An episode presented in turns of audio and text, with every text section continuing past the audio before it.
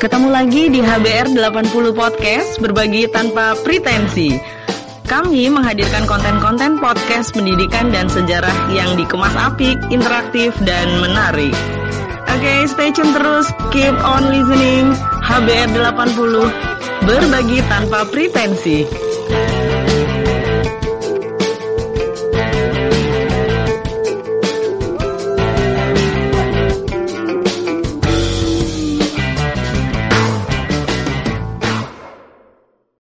Raden Intan II ini bertanya kepada ibunya, Indo, api ubat malu. Jawab emaknya ini, mati anakku. Awal mula pertama ngabiti perjuangan putra Lampung Perkasa lawai pahlawan Raden Intan ini. Sosok Raden Intan II adalah simbol perjuangan rakyat Lampung. Sejarah hidupnya terkait erat dengan jejak-jejak pergerakan yang pernah terjadi di tanah ini. Semangatnya membela negeri membuat namanya ditancapkan di beberapa tempat, seperti Jalan Raden Inten, Stadion Raden Inten, UIN Raden Inten, dan Bandara Raden Inten berdiri megah sebagai landasan sejarah Ulun Lampung. Raden Inten II lahir pada 1834 di Dataran Ratu, wilayah sekitar Panengahan, Kalianda hari ini. Jika dirunut ke atas, watak pejuang yang dimilikinya bernasabkan pada penyebar Islam Banten, Syarif Hidayatullah. Sarip Hidayatullah itu dari Cirebon datang ke Lampung di Keratuan Pugung.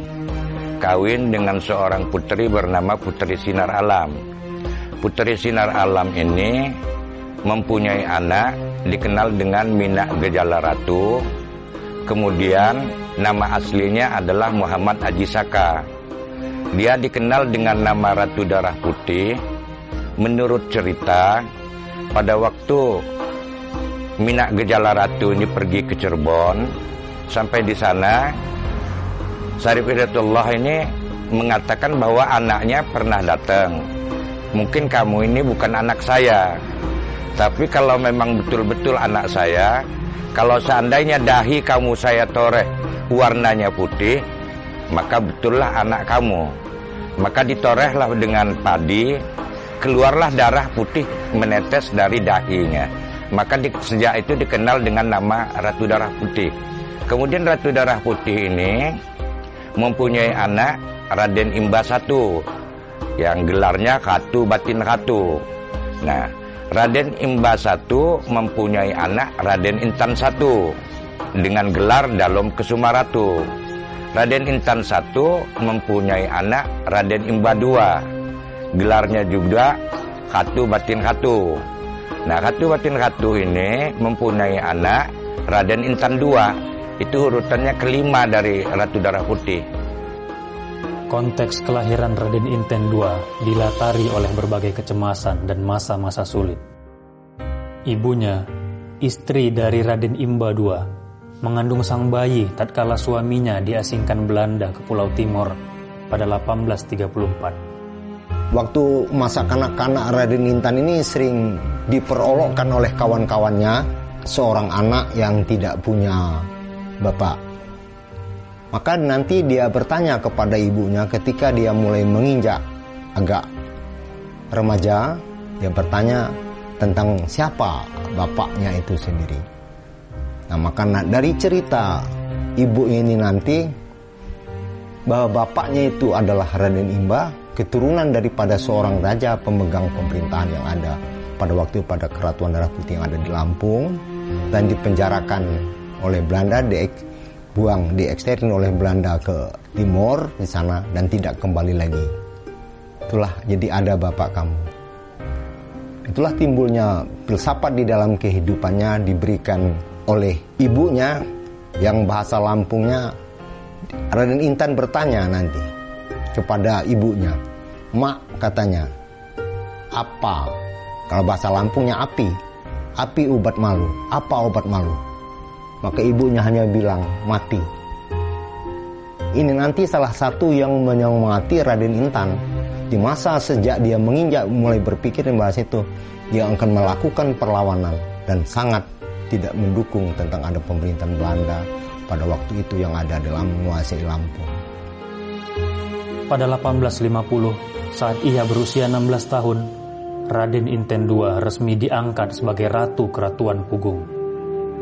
Peristiwa naik tahtanya Raden Inten II ini didengar oleh Belanda dan mereka memperhitungkan akan ada perlawanan baru sepeninggal Raden Imba II. Raden Inten II pun memimpin persiapan. Ia dibantu penasihat-penasihat seperti Haji Wahya yang berdarah Banten, Wak Emas berdarah Sulawesi, dan Singa Branta dari kampung Raja Basa. Mereka penasehat, tapi langsung jadi sebagai hulu balang pimpinan perang juga. Mereka lebih tua. Rata-rata mereka yang ikut berjuang dengan dia lebih tua, yang seumur itu cincin. Seumur, sepupunya.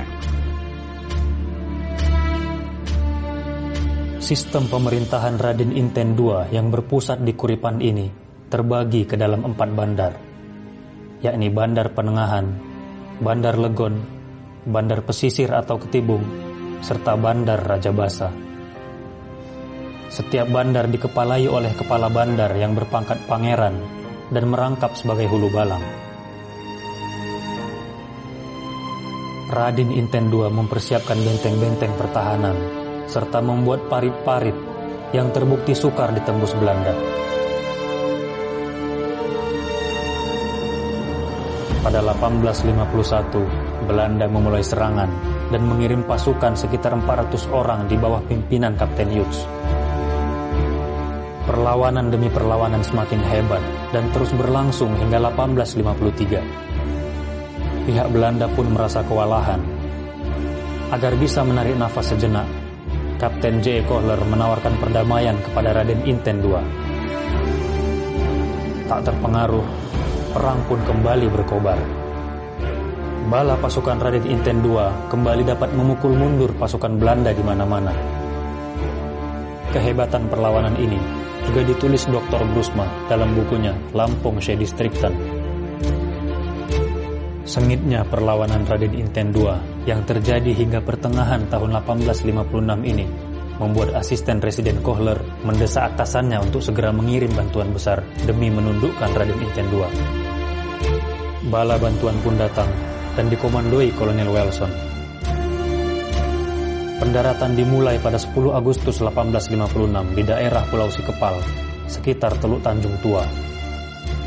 Akibatnya, pasukan Belanda perlahan-lahan maju dan mampu merebut benteng-benteng pertahanan di kaki Gunung Raja Basa. Mereka mencapai puncak Gunung Raja Basa yang merupakan basis pasukan Raden Inten II.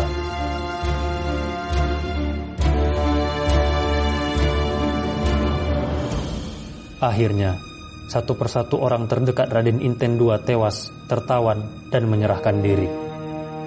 Dia sebulan sebelum Raden Intan tewas, Haji Waria ini sudah tertangkap duluan di Benteng Rogoh. Kata orang Lampung Hugu, hutan Hugu. Nah di sekitar kalau sekarang Tridharma Yoga. Tertangkap di sana, dia dipenggal. Tapi dipenggalnya itu uh, setelah ini dulu dia minta sholat dulu menurut cerita. Setelah sholat baru dipenggal.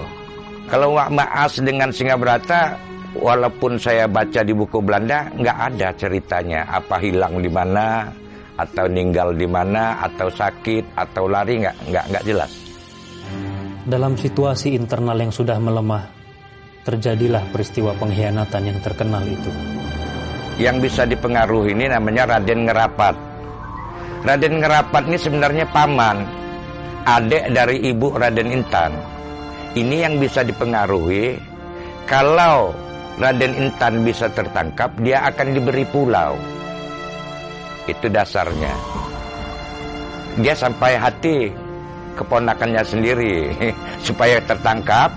Kemudian e, nasinya itu berasnya itu ditanak dengan air tuba, diracun. Jadi nasinya aja sudah beracun. Perjuangan keras Raden Inten II ini semestinya menjadi pelajaran berharga ulun Lampung. Dalam usia semuda itu, ia mampu berdiri tegak di hadapan penjajah yang ingin mencaplok kedaulatan Lampung. Walaupun perjuangan itu cukup singkat, hanya lima tahun, tapi militan. Seorang yang masih muda, yang begitu dengan gigi tanpa pamrih dan tidak mau mengharapkan apa-apa dan pada akhirnya dia juga meninggal dalam masa muda.